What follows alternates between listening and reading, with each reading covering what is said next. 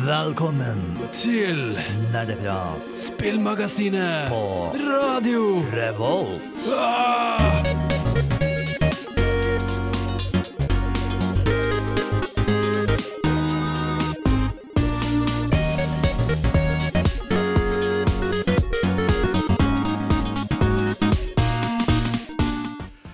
Hallo og velkommen tilbake til nok en ny episode med Nerdeprat her på Radio Revolt. I dag skal vi snakke om hack and slash-spill. Hva er det? Hvordan skiller det seg fra beat em up-spill? Og hva er kjernen av disse spillene? Og så skal vi snakke om noen av de, de største gigantene innenfor hack and slash. Og, og kanskje de litt mindre. Ja, ja. Eh, Det er en veldig nisjesjanger, så vi, det blir litt graving, men det blir også mye prek om de kule spillene. Jeg er Håkon, jeg er programleder, og med meg i studio så har vi Tai. Og Bård. Bård. Eh, jeg tenker vi bare hopper rett ut i det, så vi skal starte med å høre en liten låt. Vi skal høre Spider-God med At Rainbow's End.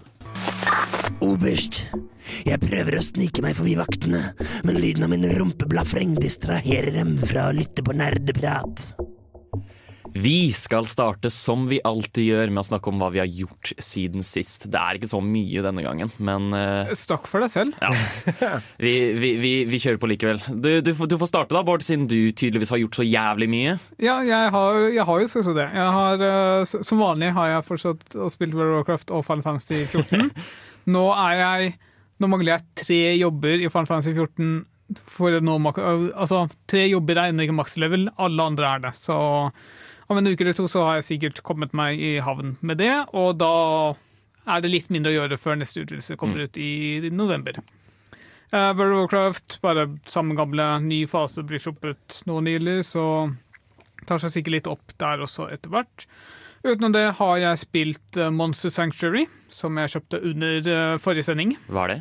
Det er type et litt Pokémon-lignende spill. Du samler monstre som du trener opp og i kamp, mot miljøet, hovedsakelig ikke mot andre trenere. Og så har de forskjellige ferdigheter, sånn som i Pokémon så har du cut og fly og sånne ting. Alle de monstrene har lignende ferdigheter i eh, Monster Sanctuary, som gjør at det er litt Metrovania også. Å ja. Og visstnok Oh. på slutten så er det veldig mye taktikk som må til. For eksempel, altså alle monstre kan lære, ha forskjellige trær med ferdigheter de kan lære og sånt. Så de, det er veldig mye sånn planlegging i hvordan bygge opp et bra team. Og visstnok mer fokus på det etter hvert. da Jeg får fortsatt bare sånn en halvtime-time inn i spillet. ja. Høres kult ut, da. I tillegg så spilte jeg Civilization 6 med en gammel kollega av meg på onsdag. Det var veldig gøy. Visstnok så ligger jeg Jeg ligger greit mulig Ja. an. Veldig lite militære, veldig midt på treet av mye annet, og ganske god på både religion og kultur, så vidt jeg husker. Mm. Civilization er veldig gøy. Ja. Så bra. Ja. Tai. Jeg har eh, plukket opp FTL igjen. Ta i, ja, ikke det er en av mine go to-spill når jeg ikke har noe annet å gjøre. Altså, pro Problemet mitt med FTL er at det tar så lang tid å spille. Ja, det kan ta opp til tre kvarter til en time, ja. Ja. ja jeg ser den. Men jeg syns bare det er så lett å hoppe inn og ut. Det er sånn der, Jeg suger jo i FTL, altså. Det tar jo ikke en time. Nei, det tar jo kanskje bare et kvarter for deg. Aha, aha, morsomt. Sår følelsene mine, Bård. Nei da. eh, Men ja, det, jeg rekker liksom På en time rekker jeg én til to runder, så det er akkurat nok for min del. Mm. Ja, Men det er liksom Det er veldig betryggende å bare ha spill du vet du kan hoppe inn og ut. Sånn eh, kjapt, liksom. Ja. Enig. Hva hva med Hades? Har du lagt det totalt fra deg? Ah, Hades har jeg lagt fra meg, egentlig. Eh, Ja. Jeg har jo Slay the Spire litt i baklomma også. Så jeg liker egentlig veldig greit sånn, å ha sånne rogelights som det. da hvor jeg, Ja. ikke, hvor jeg kan sitte og se på en serie mens jeg spiller. liksom Mm. Eh, jeg kan vel snakke litt om hva jeg har gjort siden sist. Jeg har uh, spilt litt grann Spelunky 2, siden det har kommet ut på Switch. Uh, og det har vært gøy, fordi det er et veldig fint spill du bare kan hoppe inn i. Fordi Ja. det også er jo uhyre vanskelig, så vil si at hver runde Stemmer. varer kanskje maks 15 minutter, hvis du er heldig. Og det kommer litt an på hvor raskt det er Også. ja, kommer på, an på hvor raskt man er. Eh, videre så har jeg endelig fått spilt litt Psychonauts 2. Hey. Eh, og jeg elsker det. Det er så sinnssykt bra. Liksom. Jeg er sjokka over hvor bra det er. Det har fanget essensen av det første Psychonauts helt perfekt. Samtidig som at det faktisk ja, Det har ekte combat nå. Ja. Som, som vi sier, det, det bare er kjempebra. Favorittverdenen min hittil er eh, verdenen til en fyr som bare kalles Psy King, altså PSI King. Eh, hvor du hopper inn i hjernen hans først, når han bare er en hjerne i en krukke. og så, og så er det ingenting der, fordi han har eh, sensory deprivation. Eh, litt usikker på hvordan man sier det på norsk. Men eh, Og så legger du han inn i et hode, sånn at han kan få sanseinntrykk. Og når du hopper inn i hodet hans da, så har han sensory overload, som vil si at det bare blir dritmange farger og masse sånt. Og så er det en svær konsert, og så må du hente liksom inn bandmedlemmer. Og bandmedlemmene er de forskjellige sansene, sånn som liksom lukt og eh, syn og ører og alt sånt der. Det er kjempekult. Utrolig kreativt. Ja. Så Burde jeg plukke opp eh, Eller burde jeg endelig få spilt Psychonauts 1, kanskje? ja, Ja. please, gjør det! Hvor lang er Psychonauts scene? Eh, Jeg brukte, jeg husker første gang jeg spilte gjennom, så brukte jeg ca. 14 timer. Oh, ikke så langt, ja. Nei. Um, der fikk du en liten kjapp gjennomgang av vi, hva vi har gjort siden sist. Vi skal høre litt nyheter etter vi har hørt en låt. Vi skal høre 'Joyless' med 'Closure'. Nerdenytt. Det har skjedd relativt lite siden sist på nyhetsfronten, men det er en ganske vill lov som har blitt satt i Kina nå, som eh, vi syns er litt gøy, så vi vil snakke om det. Eller det er, er det gøy? Er det trist? Hva kan man si? Ah, det er gøy trist. Ja. Det er begge deler. Har du lyst til å ta det til deg? Ja, så I Kina nå så har det kommet en, veldig, en ny, veldig spennende og selvfølgelig veldig gjennomtenkt lov eh, for å begrense hvor mye unge folk spiller da, i Kina. Så nå, hvis du er flink kinesisk eh, borger, så har du lov å spille tre timer i uka hvis du er under 18. Og Bård, du visste hvilke dager? Eh, fredag, lørdag og søndag, så vidt Ja. jeg husker. Så det er Altså én en time. Ja. per, time per dag hver, hver gyldig dag, og gyldige dager er helg og helligdager. Ja. Så ja, da kan du liksom bare sette deg ned en time og spille på fredag, lørdag og søndag. Dette er hvis man er under 18. Ja. Altså når videospill er gøyest for de fleste. Men jeg tenker sånn, Hvis du stopper dem fra å like videospill når de er små, er det det som er kanskje tanken? Jeg, jeg tror egentlig bare er liksom et forsøk på å ha et mer produktivt samfunn, og så bare driter i konsekvensen av det. Ja. Men det, det var tydeligvis tillatt på helligdager også. Ja, så, mm. Men jeg vet ikke hvor mye som du kan spille på helligdager. da. Det sto bare at du har lov å spille på helligdager. så kan hende bare en time, det Kanskje også. det, ja, det, kanskje det går inn på samme kvote som Ja. helga. Ja. At det, hvis, du, ah, hvis du bruker opp alle tre timene dine den dagen, så kan Jeg, du ikke jeg spille tror det bare er liksom én time per, dag, per Ah, dag. da får du sikkert og- ekstra time. Da. Ja. Og så tror jeg det kanskje var Jeg tror det var en bestemt tidsperiode også. Det var liksom mellom åtte og ni eller noe sånt. Å, Hvis jeg husker herregud! riktig. Jeg, jeg leser ikke artikkelen så nøye, men det er ikke utenkelig at det var ECB sitt tidspunkt, som er bra, fordi da kan alle spille samtidig og spille med hverandre inn i den flotte blokkerte brannmuren til Kina. Men uh, ja. Det er, eh, det, det er en helt psyko lov, og vi ville bare dele den. Fordi ja. det, det er jo ikke en bra måte å gjøre det på i det hele tatt. Nei. Ja, men øh, jeg blir liksom litt lei meg også samtidig. Fordi hvis du tenker på det sånn uh, Det er jo masse kinesiske spillselskap. Og det blir jo færre spill om det ikke er noe marked for det, liksom. Ja, Så det, åh, vi får jo bare mindre det dataspill. Det er påvirker sånn. de fleste negativt. Ja. Ja. Det, det er dumt. Men, eh, men det, man skal nesten ikke forvente noe annet av Kina på vi- dette tidspunktet her. Ja. Um, har vi en annen kjapp nyhet? Ja, uh, Dead Space 1 blir uh, gjenlansert nå i en ny og forbedret versjon. Jeg Det er litt usikker på hva detaljene egentlig går inn på, men du fortalte at du har nylig har spilt den. ja, jeg Håkon. spilte Dead Space i sommer, nesten rett før jeg dro opp til Trondheim. Eh, og jeg husker jeg likte det spillet veldig godt da jeg var mindre. Eh, når jeg spilte det nå, så oppfattet jeg det som veldig clunky. Eh, Controlsa er veldig, veldig merkelige og sluggish. Og det føles eh, Og tredjepersons synsvinkelen fungerer ikke så bra. Det er ofte jeg føler at det, jeg, jeg liksom kan ikke se ting fordi Isaac står i veien. Så det her er en, et spill som definitivt fortjener å få en remake. Sånn at det kan bli litt mer Ja, fordi bedre. selve spillet er bra, det bare føles litt Ja, klumsete å spille. ja, nettopp. Så det er også en kul nyhet. Um, da skal vi gå over til temadelen. Eh, vi skal snakke om hack and slash, men før det så skal vi høre Solo med Can't You See. Ikke fuck med meg! Jeg har kraften til Gud og nerdepar på min side. Men hæ?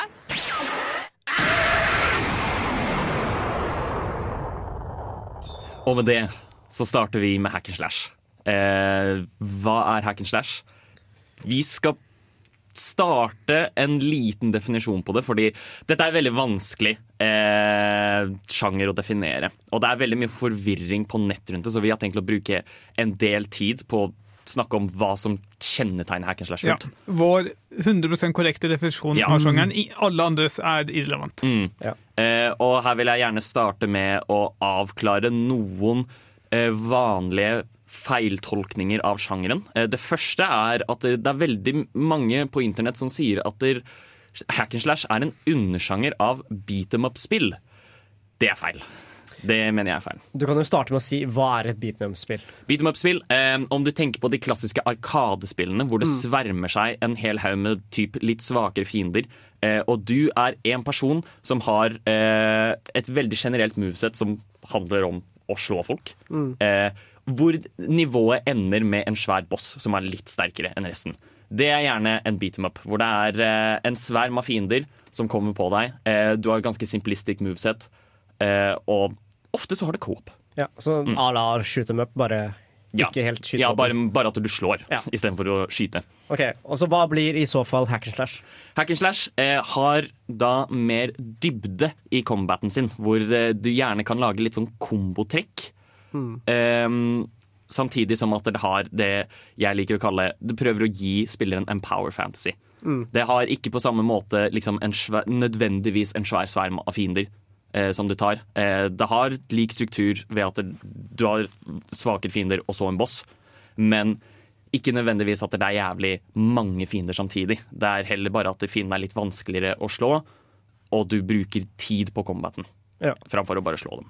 Ja. Ja. Uh, og så er det gjerne litt plattformelementer også Ja. ofte. Mm. Som du ikke finner så veldig ofte i beat em up. Ja. Ja. Så i hack and slash så handler det litt mer om combaten også, og mens i beat em up så er det bare sånn fienden er i veien for, for at du kommer deg til neste punkt. Ja. Føler jeg for min del. Ja. Um, I, I sånne sidescroller beat em ups i hvert fall, uh, så er det veldig vanlig å at det på en måte spillet stopper helt opp Ja. uh, før du kan gå videre. Det er også det i hack and slash, men eh, ja. Det, da låses gjerne området istedenfor uh, Nei, det er egentlig den samme tingen. her, Det er samme tingen. Ja. Det er en sånn go-knapp. Ja. Så, tenker jeg Så jeg kan se hvordan, men eh, hack and slash uh, har blitt såpass sin egen greie at jeg vil ikke kalle det en undersjanger av beat lenger. Mm. Vi skal gå mer inn på combaten senere. Men jeg vil også snakke om en annen ting i forhold til eh, hack and slash. Det er kanskje også riktig å si at Hackerslash oftere har oppgradering og sånt underveis i spillet. Ja, det er ikke det- så ofte du ser det i Ja. up. Mm. Eh, Ja, Ja. Er dette bare en greie jeg har forestilt meg? Jeg tenker alltid at en hack and slash, eller, og en beat them up for så vidt, alltid har en hit counter. ja. Men det må kanskje Vi ikke ha det. vi skal komme inn på dette etterpå. etterpå. okay. Um, jeg vil bare også avklare en annen ting. Fordi dette er også en ting du kommer til å se veldig mye på internett. Og det er at en hack and slash er rett og slett hvilket som helst actionspill som har et sverd. Nei. Nei. Dette er heller ikke sant. Mm. Uh, så det, kom, det, kom, det er folk på internett som blant annet argumenterer for at det Sekiro eller Middle Earth Shadow of Mordor er Mm. hack and slash-spill. Dette er ikke sant. Nei. De, de er mer sin egen greie. Eh, jeg, vil nesten, jeg vil nesten si at Middle Earth er mer eh, Et action-RPG. ja, et action-RPG med Batman Arkham-aktig combat. Ja. Ja. Eh, free flow combat, som det gjerne kalles. Um, så det er tydeligvis veldig mye problemer rundt å definere hack and slash-sjangeren. Men eh, vi skal underveis i sendingen snakke om uh, hva som definerer serien best. Um, og da også se på f.eks. sjangerdefinerende spill, sånn som den åpenbare Devil May Cry. Ja. Uh, Er det lov å si at beat em up nesten ikke har noe historie? ja, Ja, ja, det er det definitivt. Det har nesten ikke historie. Det, det, det er som regel Har, har dere spilt Battletoads? Nei. Nei. Battletoads så er det OK, du er disse froskene, og det er en eller annen alien-invasjon eller hva enn det er. Men det er det eneste du får. Og så skal du banke opp folk. Jeg tror jeg har spilt en sånn lignende modus i te et Tekken-spill eller noe sånt. Ja. Jeg husker ikke helt hvilket eller hvorfor jeg gjorde det, men ja. Mm. Det, jeg tror ikke det var noen historie til Men det var et laboratorium som du, du gikk inn i, tror jeg. Av en eller annen merkelig grunn. Ikke spør meg hvorfor. Tekken er rart. Ja, Tekken er Eh, rart. Men ja, eh, hvor hack, Hackerslash da er, er, har det gjerne en historie. Ikke nødvendigvis at de er så bra alltid, Nei, men de men- har i det minste en historie for å gi em, spilleren et mål. Ja. Og det, Eh. du, du får en begrunnelse for hvorfor du prøver å komme til det målet, enten om det er en eller annen nemesis du har, eller om det er et eller annet annet. Mm. Så gir de alt- alltid litt sånn der flimsete beskrivelse på hvorfor du også har godlike powerne dine. Ja. Så bare, bare sånn der Din bestefar pulte en gud! OK! Ja, greit. Men eh, det er jo ikke så viktig. Alt, alt hackerslash-spill handler om, er jo bare å ha det jævlig fett. ikke sant? Definitivt. Eh, og det er jo litt av det vi skal snakke om nå. Altså det fete delen av hackerslash, som er combaten. Eh, men før det så skal vi gjøre Linni med Barracuda. Martin, gutten min, du må komme deg middag! Å, mamma! Jeg kan ikke sette på pause nå! Jeg er midt i en heftig episode av Nerdeprat! Du er faktisk midt i en heftig episode av Nerdeprat, og vi er midt i å snakke om den heftige sjangeren hack and slash-spill. Eh, og vi skal snakke om combaten som definerer hack and slash-spill, liksom fra typ andre action-spill, kan man si. Ehm, og da vil jeg jo gjerne starte med Vi kom inn på noen av disse punktene i stad. Um, men for å gjenta disse, så er det gjerne, sånn som Bård sa, progresjon. At du gjerne uh, opplås... du, du får nye evner underveis i spillet.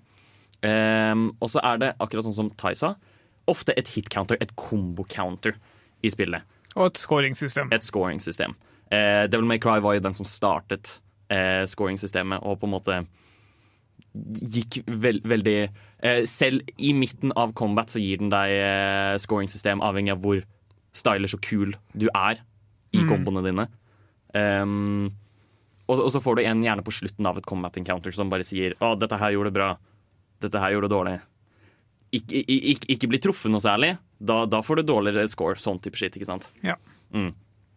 Og som eh, siden man låser opp nye evner eh, Dette gjøres ikke ved at du bare kommer deg gjennom spillet. Av og til så gjør det det ved at du for eksempel låser opp nye våpen og lignende. Men som regel så er nye moves og lignende til karakteren din låst bak typ eh, at du må kjøpe det Ja, med en penger. butikk. Ja. Eh, currency som du får ved å spille spillet. Ved å spille spillet bra. Ja. Altså, altså ting med combaten også, at i og med at du har så mange svake fiender mot deg, du er jævlig liksom overpowered som regel. ja. Du føler deg som en jævla gud. Helt ærlig talt. Du, det er samme grunn for at jeg liker å spille et spill på enten easy eller medium, som, som regel. Jeg har bare lyst til å være en badass når jeg kommer hjem fra jobb, ikke sant? Og da er hack and slash-spill liksom right up your alley. Ja. Eh, det som også da er så kult med hack and slash-spill, er gjerne sånn eh, at det er ingen grenser til nesten hva du kan gjøre i combaten, fordi du får så sykt mange ma forskjellige trekk du kan gjøre. Eh, det er nesten litt sånn slåssespillaktig eh, i form av at de bruker stikken mens du trykker på knapper for å få forskjellige moves. For eksempel, eh, Devil May Cry har et fint angrep som heter Stinger, hvor hvis du trykker fram med stikken samtidig som du trykker trekant, eh, på PlayStation, da, i hvert fall, eh, så skyter du deg selv framover, og da er det typ en gap closer. Em, og så er det ofte spill har sånn type eh, Hvis du holder inne en knapp, så slår du fienden opp i lufta, så kan du begynne å gjøre en kombo på dem i lufta. Og sånne type ting. Så det er eh, du, Spillene ønsker å gi deg så mye du kan eh, i combaten, ved at du bare du, du, kan- du kan finne på dritmye shit on the fly, rett og slett. I hvordan du ønsker å drepe fienden. Men de har ofte også en liste over liksom komboer i spillet, fordi det ikke alt kan Det er ikke alt som kan bare gjøres på måfå. Du må liksom gjerne ha et spesielt angrep som teller av med en spesiell score. Ja. Eh, mange av disse spillene er også Nå har jeg nevnt at det kommer til noe dybde. Eh, og da vil jeg også skille det med at det, det ikke nødvendigvis alltid er så vanskelig combat. Fordi mange hackerslash-spill kan du mashe deg gjennom ved å bare trykke på én knapp. Ikke at det er den mest effektive måten å spille det på, men det går. Men spillet gir deg alle disse mulighetene, og derfor har det dybde. Ja. Ja. Det er, det er enkelte andre spill som også får dybde på andre måter. Eh, vi skal snakke om No More Heroes litt senere i sendingen. Som ikke nødvendigvis har så jævlig sånn dype kombosystem i det hele tatt, men får dybden sin i når du skal gå inn for å angripe, eh, dodge ting og bla, bla, bla, fordi enkelte fiender kan du ikke beseire på vanlig måte. Ehm, Det høres litt frustrerende ut. ja. Eh, men, men da er det rett og slett Da kommer dybden i at du må være litt tålmodig. Ja. Så det er det jeg ser på som trolig det mest definerende. Men har alle spillere mulighet til å unngå angrep, eller er det bare noen få? Fordi jeg vet at Bajonetta også har det, i hvert fall eneren. Ja. Eh, Bajonetta har jo Witchtime-mekanikken, Ja. som eh, Når du unngår et angrep i siste liten, så blir fienden sanket ned. Mm. Eh, de, de, de- jeg vet ikke om alle spill har det, men de fleste har vel det. Ja. Eh, ja. Jeg er ganske sikker på det. Og det er jo fordi du skal på en måte kunne reagere på musa. Ja. Det mm, Ja. Det er den beste måten å ikke bli slått på. Ja, faktisk. Eh, av og til så kan også spillet finne på å gi deg en type parry.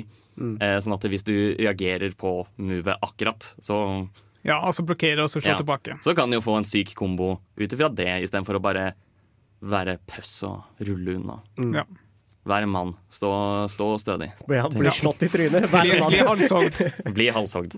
Em, der uh, fikk vi snakket litt om uh, combaten. Vi skal uh, gå over til hva combaten gjør, da. Som, hva effekten av å ha sånn type combat, samtidig som hva slags designfilosofi hackerslash-spillene har, og det er å gi deg en helt uslåelig power fantasy, som eh, Tai nevnte så fint. At du bare føler deg ustoppelig.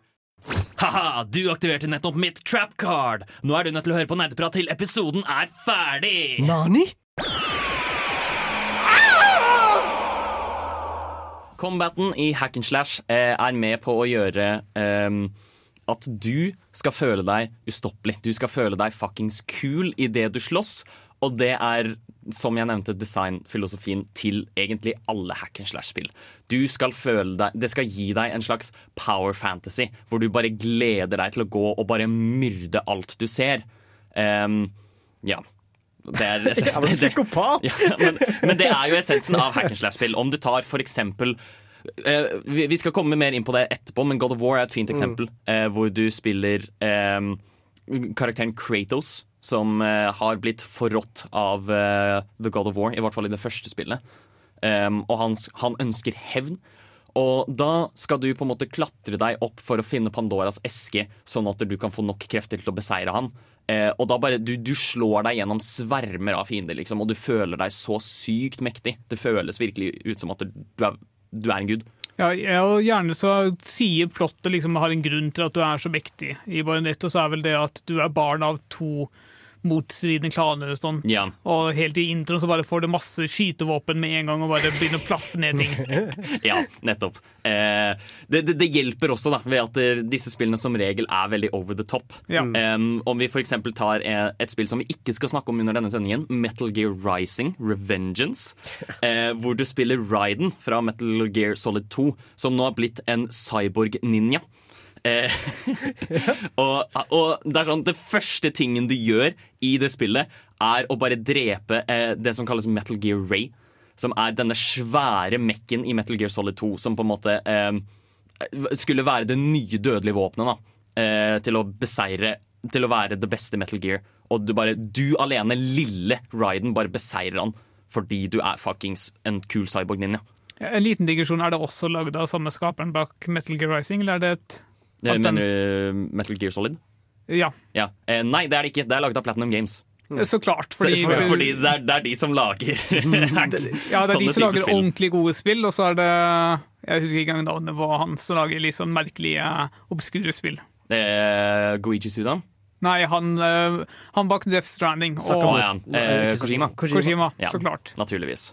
Eh, men det illustrerer poenget mitt eh, godt, føler jeg. Eh, at der, du, du, du spiller denne cyborg-ninjaen, og du føler deg så jævlig kul og fet. Og derfor, og, og, og spillet gir deg på den måten en power fantasy av at du, uansett hva du møter på, så kommer du til å beseire det. Ja. Um, og da er det også veldig kult, fordi den serien har også en kul ting.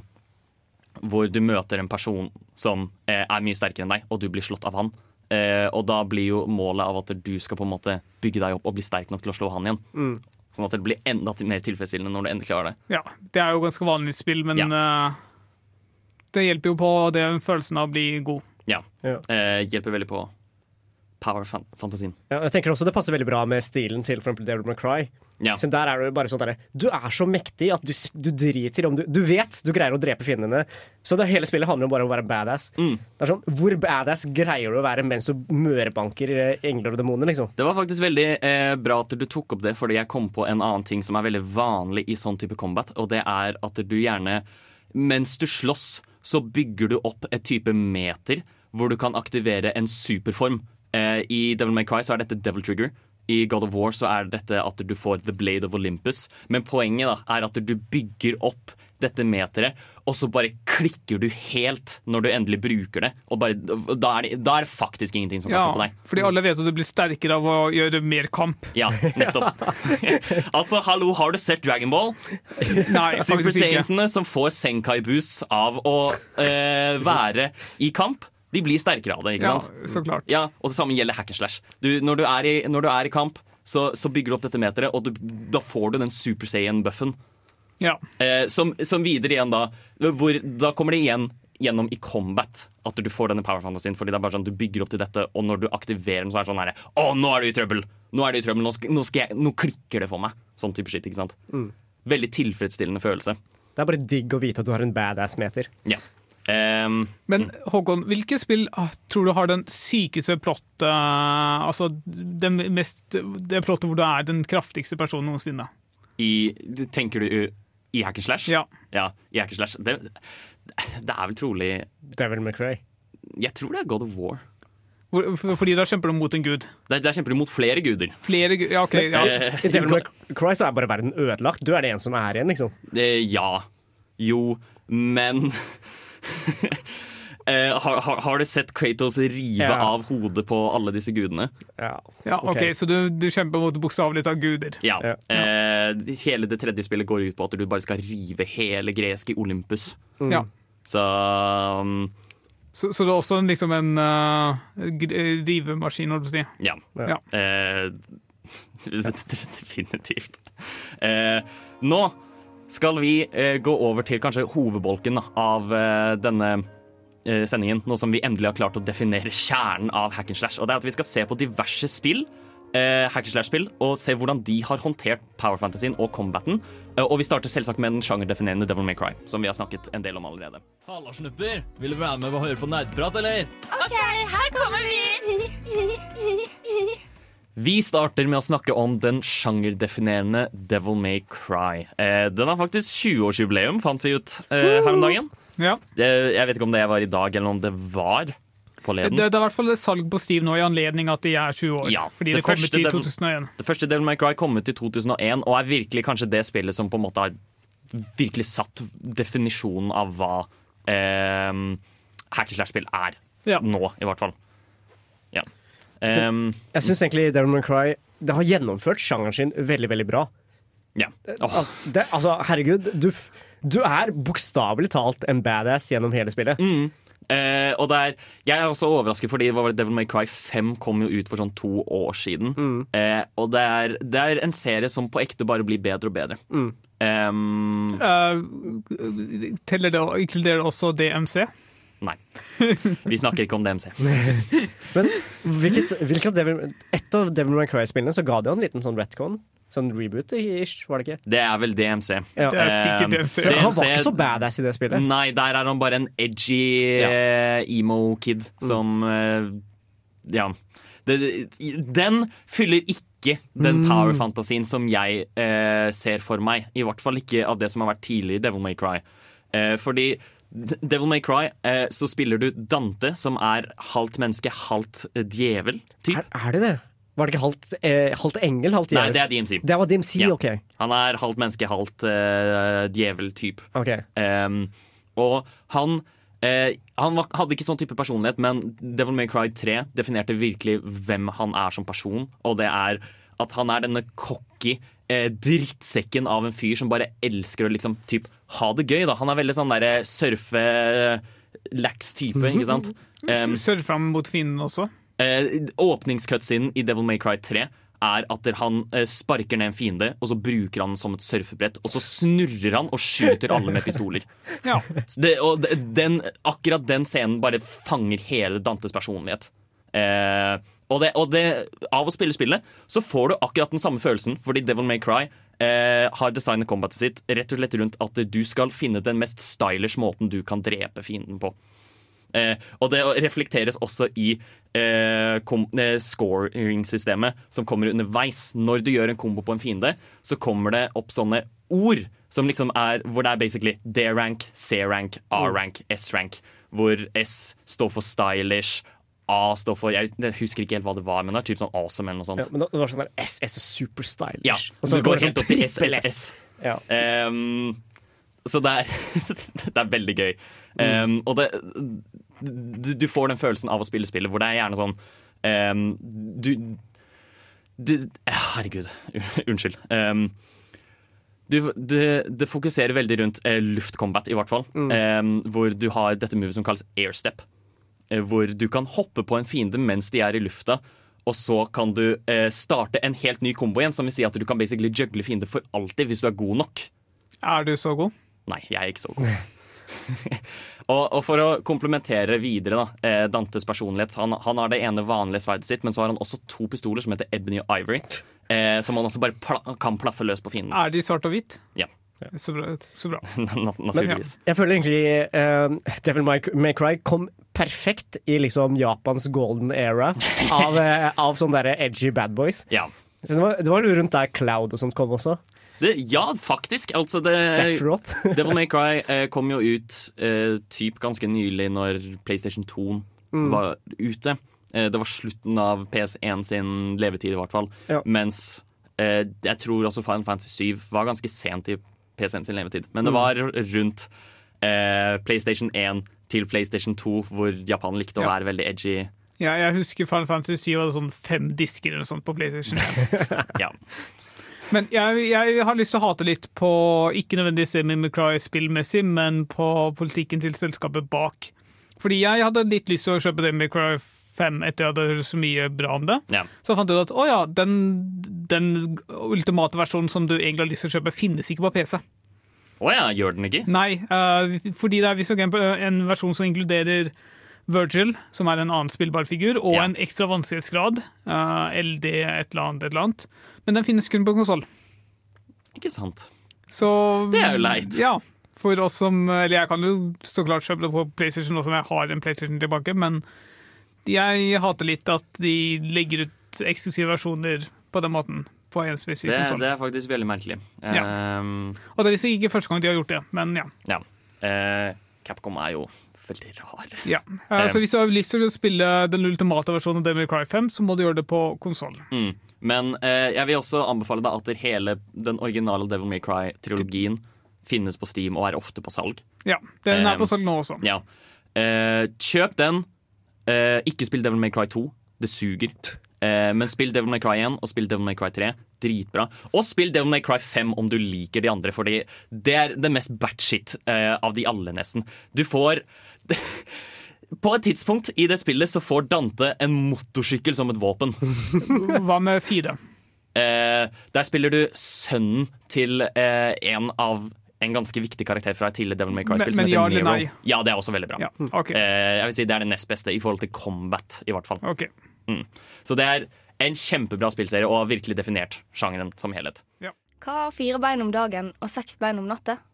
Jeg vet ikke, men eh, hør på Radio Revolt. Nå, God of War er neste spill vi skal snakke om i hack and slash-sjangeren. Dessverre kun tilgjengelig på PlayStation. Det er PlayStation Exclusive eh, til Bårds misnøye. Ja. Eh, men eh, til oss andre som har PlayStation og liker å bruke den. Jeg, jeg har PlayStation. Altså, jeg, og, bare, og som liker å bruke den. jeg, har, jeg har ikke hatt tilgang på den i sånn halvannet år.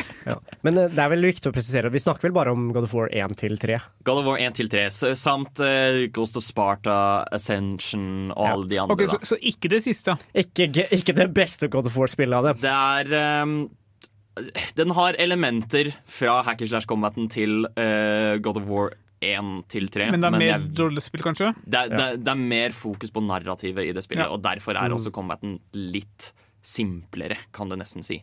Men driver du fortsatt hodet av guder? Ja På en måte. På, OK, ja, Eh, ja og nei er vel svaret. Ikke like ofte, kan man si. Ja, okay. Å nei, han er blitt gammel. Men um, God of War, som vi har snakket om tidligere, da. eh, du spiller Kratos, som uh, i det første spillet prøver han å beseire The God of War, og i prosessen blir han selv The God of War. Uh, som igjen videre illustrerer liksom hele den eh, power fantasyen som eh, Mm. hacker slash spill konstant prøver å gi deg, ved at du spiller bokstavelig talt en gud. Ja. Ja. Eh, du spiller sønn av Sus. Mm. Er ikke det Hercules? Jo, han òg. Eller altså Det er en til. OK, ja. Eh, Skjønner. du slåss mot Hercules i et av spillene. Ja. River av hodet hans? Uh, nei, men du moser trynet hans med, sine e med hans egne våpen. Det er også ganske badass. Kjemper du mot den hydraen fra Hercules-filmen? Ja, man kjemper mot hydraen. Det er den første bossen i det første Ah. spillet. Kult. Ja, og det, det, er jo faktisk også en kjempebra intro til uh, hva God of War handler om, fordi den aller første tingen er hydraen. Og det er masse hoder å rive av. Ja, Eller ikke så mange, da. Den hydraen har bare tre hoder. Åh. Og, men det Um, vokser ikke ut nye når det Nei, det gjør ikke det. Nei, men det er fordi det er revet av. Men eh, det, det, det er klart og tydelig da, at God of War gir deg en power fantasy når du spiller det, ved at du spiller Kratos, som har en tendens til å rive av hodet på guder, um, og som slåss mot svære beist som om det er ingenting. Eh, combaten i eh, God of War-spillene kan ofte ses på som litt button mashy, kan du nesten si. Eh, fordi du kan mashe firkant eller trekant, og så får du en kombo som er effektiv. Men du får også masse andre moves som du kan kombinere i disse mash-komboene. Um, som gjør, gir deg litt flere muligheter. Kan du angripe i lufta? Du kan angripe i lufta. Okay, så, så det er også juggle-komboer her. Ja. Ti, ti av ti. Det er alt man trenger, egentlig. Ja. Eh, Men der God of War får mesteparten av dybden sin, i min mening, er hitcountere. Eh, rett og slett fordi hit hitcountere i dette spillet Istedenfor at det på en måte går på hvor lang komboen din er, så er det hvor mange hits du kan gi på fienden før du selv blir truffet. Det gir jo mening. Ja, ehm, som vil si at der, eh, og, og, og jo høyere hitscore du får der, jo mer cash får du, og jo oftere kan du kjøpe nye power-ups. Finnes det speedrun hvor det er eh, 100% ikke blir truffet? Det finnes det jo garra. Folk er jo helt syke i videospill. Og- God of War er jo en av de spillene som virkelig da har mye mestring angående det, fordi nettopp av dette. Ja. At du kan lære deg og det, og det er veldig utfordrende òg, spesielt i God of War, fordi i det spillet så venter ikke fiender på å slå deg hvis du gjør en kombo. Det er ikke sånn at de står og venter Ta for eksempel Batman Arkham. Ja. Eh, der kan du banke opp en fiende eh, og gjøre en syk liksom, finisher på dem, og alle de andre bare står og ser på deg. Eller du er uskadelig mens du gjør det? Ja. Ehm, I God of War så er det ikke sånn i det hele tatt. Hvis du er midt i din syke kombo, så kan en bare random fiende bare komme og backe deg og slå deg helt ut. Og så mister du hele hitcounteret ditt. Og så uh, alt du har jobbet for, borte. Så da må du slette eh, lagringen og starte på nytt. ja. Eh, Nei, det, det, det er jo ikke sånn det fungerer. Det er jo bare hvert combat encounter hvor denne hitcounteren gjelder. Ja. ja. Men du, du, har du i tillegg eh, Den kalles The Golden Fleece. Um, F-L-E-E-C-E. Som um, gjelder som en parry, som du også har en alternativ okay, da, til skjønner. å blokke uh, damage. Men poenget er at The God of War eh, ønsker å gi deg mestringsfølelse eh, i at du klarer å reagere på fiendene, og hvor hardt de går på deg. Hvor combaten da ikke nødvendigvis er så vanskelig å mestre. Eh, eller liksom, angrepet er ikke vanskelig å mestre, men combaten er vanskelig å mestre. Mm. Fordi det er så sykt mye fokus på at du må komme deg unna fiendene. Mm. Jeg har spørsmål til deg, Håkon. Mm. Hvis jeg som ikke har spilt God of War tidligere, vil prøve det ut her og nå med dagens konsoller og teknologi, hva gjør jeg da? Eh, du, du, du spør godt. Um, Må, må jeg ha en PlayStation 3 for God, of? God of War eh, 1 til 2 må du ha en PS3. God of War 3 har en remaster-versjon på PS4. Ok, Eh, så vidt jeg vet. Så for folk flest så er det den beste inngangen. Ja. Eh, selv om God of War 3 er jo også slutten av en trilogi, så det er jo egentlig best å starte med de to første og spille deg oppover. Ja, Ja. Hvis du har mulighet til det. Mm. Men God of War 3 er også det beste spillet fordi det på en måte tar alt det bra fra de forrige spillene og bare upper det opp. Ja. Gir deg masse nye skitt. Vi skal nå høre fra en mann som er veldig langt unna hva han syns om programmet Nerdeprat på Radio Revolt. Nerdeprat er veldig gøy! Vi snakker om nerdeting og dataspill! Sånt liker jeg! Da skal vi gå over til å snakke om Bayonetta. Du har fått spilt litt Bayonetta, har du ikke, Bård? Bitte litt. Jeg starta tidligere i dag, og jeg fortsatte rett før sending. Ja. Så ja, bitte litt er definitivt det som eh, kan brukes der. Mm. har spilt hovedsakelig eneren, men jeg har også toeren liggende på vent, som kun finnes i Nintendo Wii U og Switch. Mm. Og de ble begge to sluppet sam samlet for en stund siden. Ja. Eh, veldig gode spill. Ja, Og treeren er under utvikling. Ja. Ingen vet når det kommer, men De, det kommer. de annonserte det eh, typ sånn 2018-2019 en gang. Eh, hvor de bare var sånn ah, Bayonetta 3, det kommer. Ja. Har vi hørt noe som helst siden de annonserte det? Nei. Men det er Platinum. De har sånn type syv prosjekter i ilden, tror jeg nå, Ja. og de tar sin tid med dem. Ja, det er godt poeng. Ja. Eh, Eh, men har du lyst til å fortelle litt om hvordan ja, Bayonetta fungerer? eh, Bayonetta følger en eh, jente som Jeg skjønte ikke helt historien, men eh, det er blanding av to klaner, en mørk og en lys, som jeg tror liksom tilsvarer engler og demoner. ja, lignende. så å si. Og hun er liksom en skytsengel altså, Hun er liksom en annen barn som er født og skal Mm. liksom redde verden eh, på en eller annen måte. Så det starter med at du eh, får noen pistoler, og de pistolene skyter du rundt med. Du skyter med ben, armer, knær og alt mulig rart. fordi Bayonetta hun har, eh, hun har pistoler ikke bare på hendene sine, men også på føttene sine. Ja. okay. um, og hun, hennes form for angrep er da gjerne liksom, en kombinasjon av slag og spark. Ja, og hvis du holder inne knappen, eksempel, så starter du å skyte ut av Ja. den, den lemmen du angriper med. Ja. En annen ting som er veldig kult med det, er at du får jo eh, nye typer våpen underveis også. Det, jeg tror det var I det første spillet så får du blant annet liksom et svært, tungt sverd. Eh, og du kan fortsatt sette disse på føttene dine for å få liksom nye typer moves på Ja. føttene dine. Eller hendene dine, avhengig av hvor du plasserer dem. Kan, kan jeg gjette hvor Bajonetto er fra? Spillet? Ja. Er det fra Japan? Ja. Ja, Så- så klart. Ja, ja. Se- Selvsagt er det det. Fordi eh, Bayonetta er jo også veldig over the top i at eh, hovedkarakteren er ekstremt seksualisert. Liksom overdrevent. Uh, i, åpningsvideoen så ser du hun er på kirkegård og ting skjer, og sånt, og så plutselig så blir, hun, blir klærne hennes kuttet sånn rett under brystene. litt sånn, og så bare faller klærne av, og så kommer hun i svartkledd plutselig ut av det. Og dette er fordi um, klærne hennes er håret hennes. Um, og hun bruker også dette håret til å tilkalle demoner som dreper disse store englene, da. Ja, fordi hun har også noen magigreier. For Ja. eksempel skytevåpenet blir kastet henne gjennom magien. Jeg skjønte ikke hvorfor. Men ja, jeg, jeg tror kanskje jeg skal starte opp enda på nytt, for jeg fikk ikke så veldig mye med meg da jeg satt og Ja. spilte i samme rom som dere. Men jeg ble egentlig sjokkert da du sa Bajonetta hadde klær. Er ikke hele greia hennes stikket hennes at hun har på seg en sånn der leather-suit? Jo, eh, Ja, det er men jo det er jo håret hennes. Ja, ok. Det er Men håret Er det det som ble kutta? Nei, nei først, hadde, først så, så hun der nærmest ut som en engel kledd i hvitt, liksom. Ja, okay. Og så blir de klærne kuttet, og så bare blir hun dekket av svart, som da Ja. visstnok er håret. Em, og det er sånn, eh, og hver eneste gang hun tilkaller en sånn svær demon, så forsvinner klærne hennes naturligvis. Ja, fordi Gud. hun bruker heller klærne, håret sitt på å tilkalle demonen. Ja. Ja, Um, det er bra det er logisk der det ja. teller, liksom. Men for å snakke om combaten til spillet, så vil jeg si at Bayonetta Altså, som vi har sagt, eh, så, har hun kombinasjon av både hender og føtter med forskjellige eh, typer våpen som hun kan sette på både hendene og føttene sine for Ja. å få nye movesets, og derav litt kompleksitet i hvordan du ønsker Det, er valgfrihet i hvordan du ønsker å slåss. Ja. Ja, og så har du, du har ganske stor variasjon. For eksempel så har du et angrep som er bare begynner å skyte rundt deg. Ja, ja nettopp.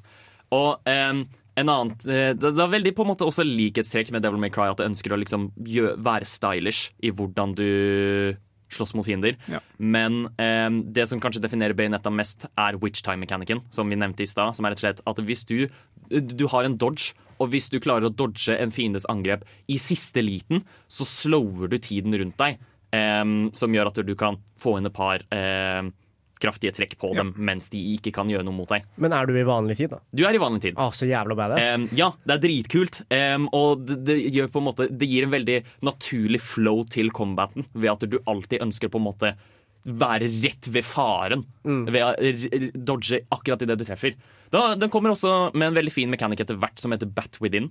Som er rett og slett at hvis du mistimer dodgen din, witch-timen din, så bare blir du til flaggermuser, og så tar du litt skade, men du blir ikke knocka ned. Ja. Som vil si at spillet er ikke veldig streng på den, men den er streng nok til at du fortsatt ønsker å gå for det. Ja. Så um, det er veldig kult. Og jeg likte veldig godt skrivingen og historieplottet. Ja, men hvordan er det i forhold til den der power fantasyen? fullfører den den, liksom. Jeg, jeg vil si det. Ja. Um, og det. Og det er fordi det er sånn du, du har disse svære beistene som du også beseirer, og på slutten så bare tilkaller du disse demonene som bare ødelegger alt. Eh, Mm.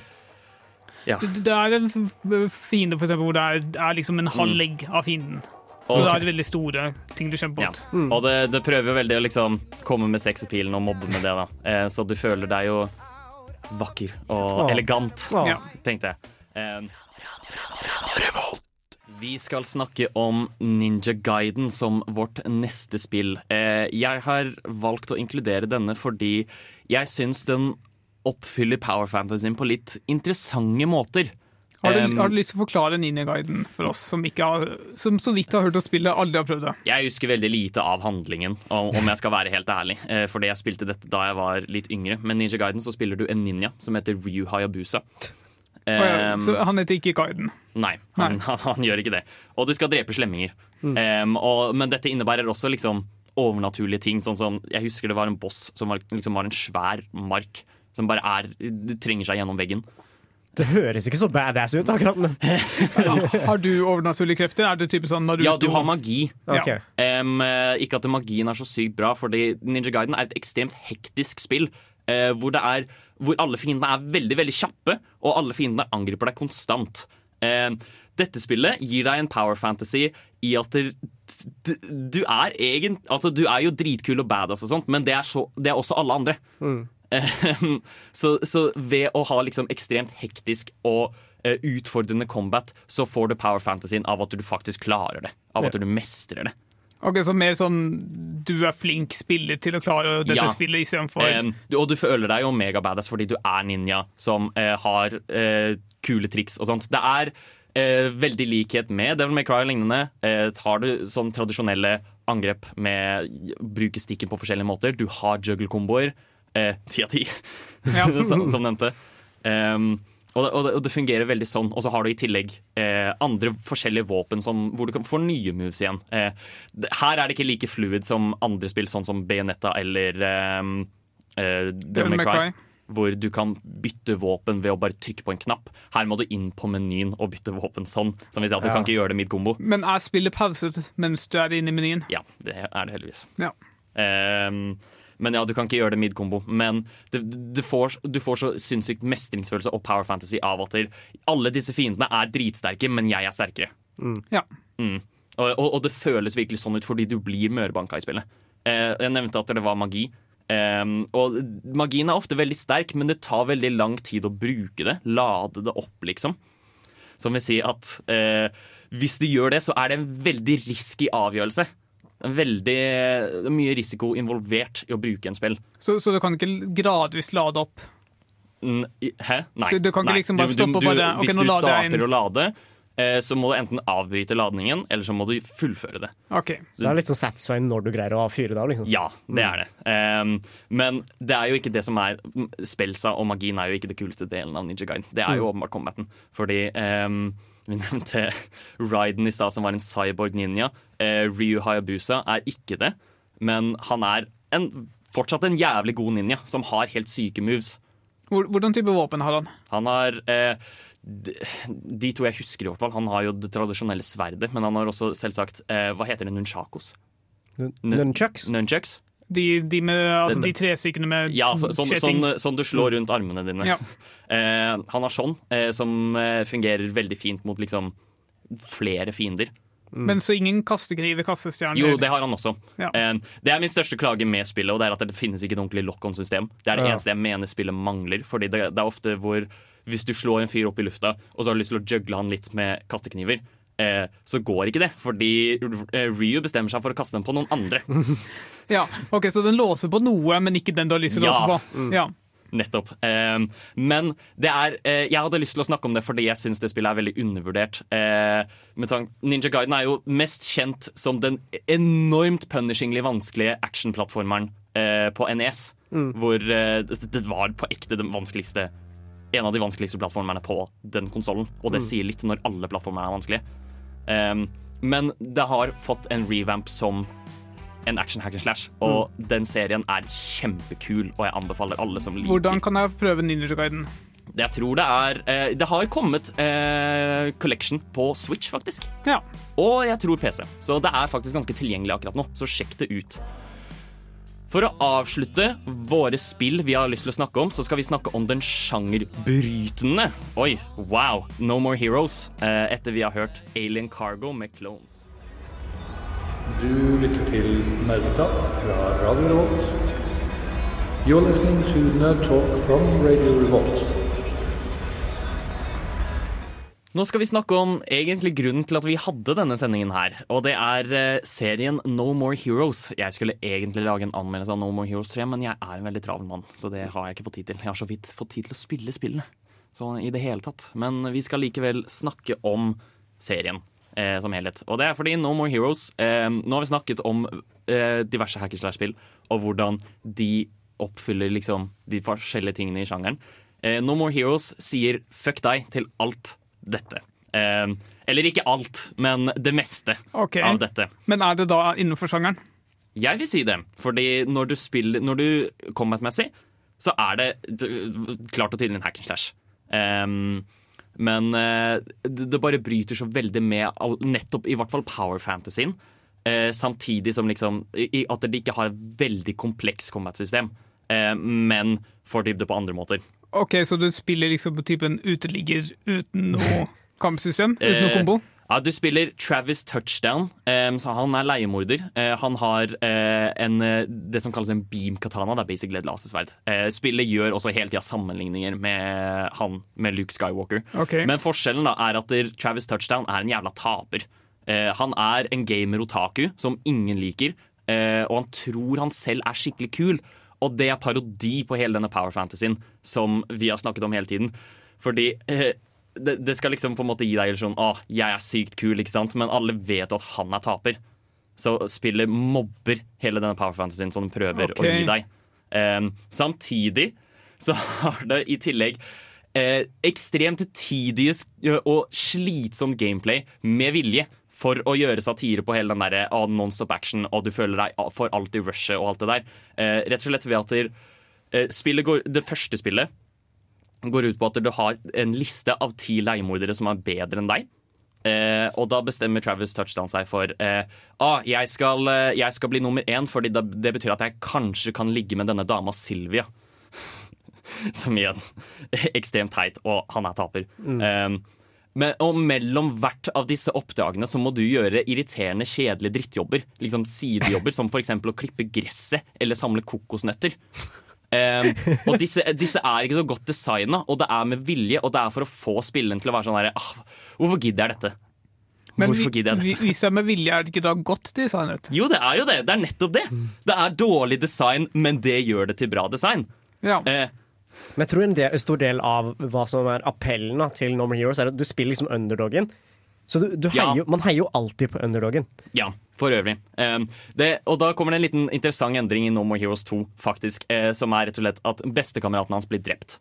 Um, og han skal ta hevn, og da blir han veldig seriøs. Og så fort han blir seriøs og liksom slutter å ta seg begynner å ta seg selv litt alvorlig, eller liksom slutter å leke kul og sånt, så begynner alle å digge han. Da har damene lyst til å pule han, liksom, og da syns de han er kul. Når, når han slutter å bry seg om å være kul. Um, eneste forskjellen der er at spillet klarer ikke å bestemme seg om det vil være en seriøs drama eller satirekomedie. Um, så jeg mener, og I tillegg så blir det veldig sånn der over the top anime-ish eh, verden, hvor eh, du blant annet kommer i svær mex-suit og slår eh, andre mex-suiter og hva enn det er. Um, mens det første No More Heroes var veldig grounded. hvor det bare er sånn der, De fleste områdene du slåss på, er liksom Du, du slåss på toget, for eksempel. Ja. Det er bare en hel haug med folk, goons der, som bare er tilfeldig plassert på et tog, og du skal drepe dem der. Um, Så hvordan måler treet seg opp mot alt dette da, Håkon? Treeren går mer i retningen av No More Heroes 2 igjen, eh, hvor det nå er, det er en alien-invasjon. Eh, av en, eh, en liten alien som heter Fu. Eh, de, de har en veldig sånn fin åpning på det, hvor det er en åpenbar parodi av ET. Um, bare at ET kommer tilbake til jorden, og så bare er han sånn der, Jeg skal ta over denne planeten. Um, og, du, og da er det akkurat det samme som i No More Heroes 1, hvor du må, du må slåss mot hans underlings. Eh, og så må du betale og ved å gjøre et kjedelig drittjobber før du kan slåss mot neste. Eh, og, det, og da er det jo det blir på en måte litt gøy satire igjen, kan man tenke seg, fordi du har denne svære trusselen, men du må likevel gjøre disse kjedelige drittjobbene. Det er ikke bare ah, 'jeg ønsker å bli best', nå er det faktisk 'jeg må redde verden'. men så må du likevel gjøre det. Um, men i motsetning til de gamle No More Heroes-spillene, så ser det faktisk ut som at No More Heroes 3 har litt mer kombosystem og litt mer alternative angrep enn trykk, eh, enn en high stance og en low stance, som er det som var essensen av de første spillene. Hmm. Så det, det, men, men likevel, No More Heroes er en acquired taste. Det Mm. er uh, smak og behag på den. Eh, De kokosnøttene du plukker opp, kan Ja. du bruke dem i kamp? Nei. Det er, det er kun for sideoppdrag. Ja. Eh, Kan du gjøre angrep i lufta? Nei, det kan man heller ikke. Så ikke ti av ti. Nei, jeg må, nå, ja, nå vet ikke hva jeg, hva helt hva jeg skal gi den. ja, ja. Um, men det er Jeg vil si det er verdt å sjekke ut hvis man syns det høres gøy ut, men det er ikke et spill som alle kommer til å like. Skal jeg si med en okay. gang. Eh, hele hele samlinga finnes på, eh, på Switch, hvis du er interessert i det. Når innså du at du var en gamer? Dersom du kunne spilt kun et spill i et år Hva er det eldste spillet i backloggen din? Hva har du lært fra spill som du har fått nyte av i Er det et spill som har hjulpet deg gjennom en tung periode av ditt liv? Hva er ukas spørsmål? Ukas spørsmål i dag, Tai. Du har svar på det? Ukas spørsmål denne uka er Hvis du hadde vært en hack and slash-karakter, hva slags våpen hadde du brukt? Bård eh, under låt bare var sånn Ja ja, det her vet jeg. Ja, så Du- klart. Så, så, så det er. Eh, det første jeg kom på, var så klart spisepinner. What the fuck? OK. OK. Ja. Ok. Eh, har lyst til å utdype på den. Bare, det, det kan brukes i nærkamp, det kan brukes i, ah, Hva faen avstand. mener du med at du kan brukes i nærkamp til spisepinner? Du? Hallo, det er de er skarpe. Du, du, du stikker folk med dem, du kaster folk med dem, du klyper folk med dem. Grab attacks med, med spisepinnene. Altså, de, de er jo selvsagt overdimensjonert, sånn at du altså, det er ikke, okay, så det er store spisepinner? Så, så klart. Oh, ja, sorry. Jeg jeg tenkte på noen små Men altså, det, det, det, mye, noe av altså, Hva skal jeg si, Noe av det skal være at du, ja, du angriper folk med spisepinner. Ja, men tenk deg, Det kommer sånn der alien-gud og skal ta over verden, og Bård dukker opp med power fantasyen, så er det sånn fucking spisepinner. Ja. Ah, Nemlig. uh, mitt andre eh, mulighet er kjetting. Kjetting. Men greier på. Har dere sett Ghost Rider? Ja. Jævlig rått. Sykt kult. Det er faktisk veldig Mm. badass. Uff. Så det, det, var- det var gode svar. Men er det noe spesielt med kjettingen? Altså, Brenner kjettingen din, eller er det strøm? Eller? Altså, jeg tenker Mest sannsynlig et eller annet uh, skarpt på enden, eller sånt Eller Ja. kanskje langs kjettingen, men bare noe som du kan bruke både Så til å dra folk inn Så for eksempel The Blades of Chaos av Kratos. Oi, oi, oi, her bygger vi Kratos. Kanskje. Ja. Med spisepinner òg. Har du, har du en, et svar, Tai? Ja, du, jeg tror Altså, i spill så liker jeg å være sånn fast-paced. Så jeg Ja. tror jeg hadde gått for eh, sånn enten daggers, sånn dual wielding, Mm. eller så hadde jeg gått for spyd. For fucking spyd er badass. Bare sånn Svinge det rundt huet sitt, kaste det rundt. Slenger det så Du bare slenger det liksom på folk. Jeg, synes, jeg liker spyd. Mm. Ja. Ja. Håkon? Og så kan du grille ting med det. Ja, ikke sant? Det er et Det er et bra svar. Eh, jeg tenker OK, men, men se for deg eh, en stokk Ok som er eh, skarp.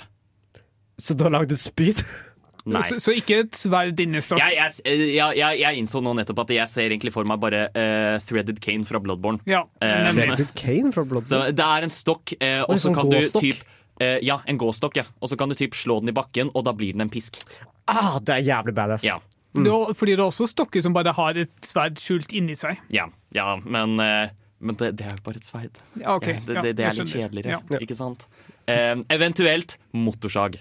Motorsager er Ja. jævlig Eh, Flere, håper jeg. Som du sjonglerer. Oh, ja, Ja, hvorfor ikke? Sjonglerer. Ja, nå følte jeg meg så normal. Og Um, ja, hva er det? Eh, Det er ikke, ikke, ikke hackerslash, men det er et spill som heter Mad World. Eh, hvor du løper rundt med eh, Og for, for øvrig også Lollipop Chainsaw. Mm. eh, hvor du løper rundt med eh, motorsag som våpen. Ekstremt blodig. Har ikke Doom også motorsag? Jo, men eh, der, der er det jo bare én klikk. Okay. eh, button. Eh, men, men, men se for deg liksom sverddueller med motorsag. Ja. Det, det, det, jeg tenker det hadde vært kult. Mm. Så der fikk dere en veldig kjapp eh, runde av hva slags våpen vi hadde brukt. Jeg tenker det er mye potensial her. Ja. Um, og det er Ja, um, det er veldig mye kreativt man kan gjøre. Jeg vet for eksempel, hva er det? Jeg, vil, jeg har lyst til å ta Bayonetta her òg. fordi de, de har et veldig gøy våpen som bare er skøyter. Simpelt, simpelt og Ja. greit. Men kan man putte skøytene på hendene hennes? Det tror jeg ikke. Det tror jeg er en av de få våpnene man ikke kan ta på henda. De er logiske på de rareste ting. Ja, men du, har, du får også en hammer som du ikke kan ta på føttene dine. Em, naturligvis. Immersion broken. Men uh, ja, så b b det er bare å låne ideene våre altså, til å lage kul hack and slash, spesielt spisepinnene. Det syns jeg var veldig gøy. Ja. Aldri sitt rundt et spisebord med bål. Jeg liker egentlig veldig godt å jazze med gutta. Det er jo så gøy. Ja, spesielt med nerdeprat. Nerdeprat er så koselig å jazze med. Ja, ja, jeg er helt enig i det. Ja, ja altså, de burde jo egentlig hett Jazzeprat, de. Du hører på Jazzeprat. Velkommen til Jazzeprat. Dette er Nerdprats eh, ekstremt uformelle spalte, hvor vi egentlig bare jazzer om hva enn vi vil. Mm. Eh, uten noe særlig struktur på noe som helst. Vi snakker bare om det vi føler for. Ja, og da tenker jeg at er det noen som har lyst til å Er det noen som har noe på hjertet? Jeg tenkte sånn der, Da vi snakka om den Kina-nyheten jeg bare Ja. sånn, altså, Jesus! Hvis jeg hadde vært i Kina nå, eller vokst opp i Kina jeg vet, hva, hva, hva gjør man med barndommen sin om man ikke sitter på dataspill, liksom? Ja, men Hvordan funker en sånn bannlysing? Det, tenker du online-spill? Eller er det sånn derre Å nei, jeg, eh, unnskyld, eh, fru Sundby. Jeg så faktisk sønnen deres spille Pokémon etter klokka seks i går i mer enn to timer. Det det er ikke utenkelig at Kina har eh, spionprogramvare på alle maskinene sine som rapporterer hvilke program som kjører og sånt. Ja, men det er så jævlig dystopisk. Er det- Ja, men det, det er Kina. De har også sosiale la, La oss si du hadde hatt en DS da, som bare ikke er koblet til internett på noen som helst måte. Men var det ikke dataspill? Det sto ikke noe om Ah, ja. eh, DS-spill. ja, ja, men det er nettopp det. Fordi det var eh, Jeg tenker Hvis det er videospill generelt, så er det jo ingenting som kan stoppe deg fra å bare kjøpe liksom eh, en DS fra en smugler eller noe. Men det, Smugle DS, det er skikkelig dystopi, ja. Altså, det er ikke sikkert de har teknisk mulighet til å faktisk uh, håndheve den loven ennå, men at de har satt den inn bare f sånn at de kan gjøre det i fremtiden. Mm. Ja, men så jeg tenker liksom Det, det er mest sannsynligvis online-spill de snakker om i så fall. Ja, mest sannsynlig. Er det Hva Ja. Hva, hva, hva kan være grunnen for det? Altså, jeg, jeg tror hele greia er at de har, de har jo veldig store problemer med at eh, spilleavhengighet er en Det er et stort problem der. ja. Det er veldig mange som spiller Men- for mye, liksom. Men hvis det ikke er videospill generelt, bare online-spill Tror Og, og hvorfor kun under 18? 18 altså, Men det- når du er 18, så er du fortsatt ung nok til å skape problemer for deg selv. Ja, men jeg tenker, ja, men jeg tenker kanskje hvis du, hvis, du, hvis du nipper det in the bud, som de kaller det, slik at du tar det tidlig Det er sikkert det som er tankegangen. At barn er mer sånn du, du lager jo liksom mange vaner mens du er ung. Er det, det kanskje det som er tanken? Kanskje det. Prøv å gjøre samfunnet mest mulig produktivt. Koste hva det koste vil. Ja, altså, ja. Uff. Nei, jeg hadde hata livet der, altså. Ja, det hadde vært kjipt. Mm. Um, jeg har også noe jeg har lyst til å snakke om, uh, og det er bare uh, Jeg har vært på Twitter i det siste. Mm. Eh, Hvorfor det? Ja, du, du spør godt. Ja.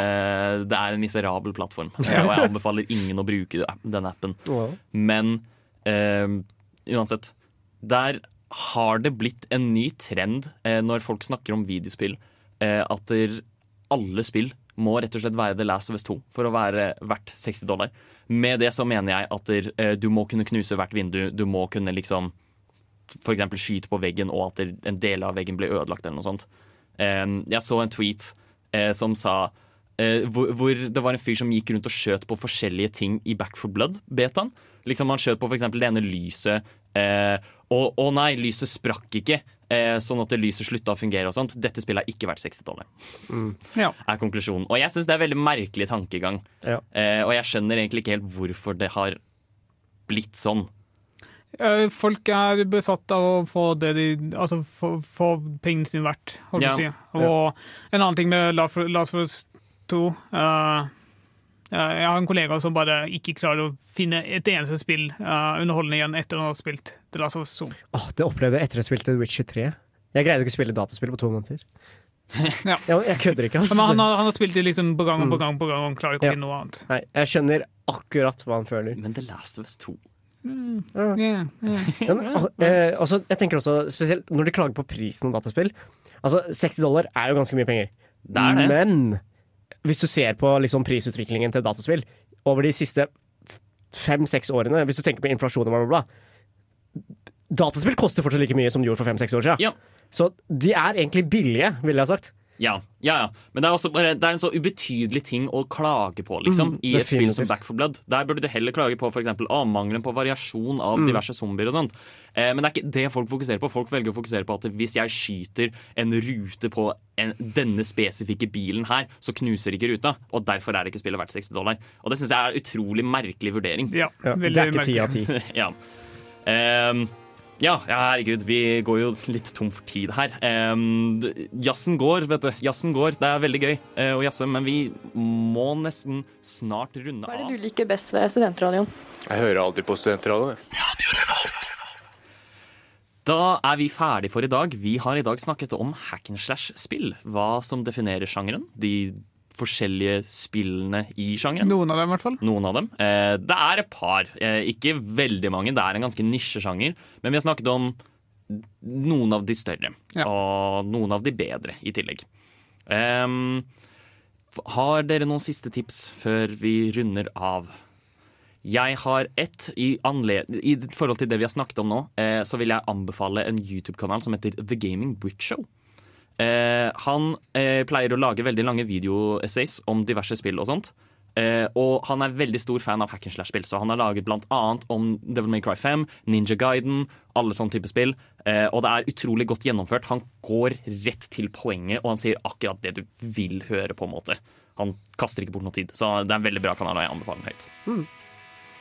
Det var alt vi hadde for i dag. Eh, nå får dere Killer Kid Mozart med The Underdog. Ha det bra. Ha det. Du har lyttet til en podkast på Radio Revolt, studentradioen i Trondheim. Sjekk ut flere programmer på radiorevolt.no.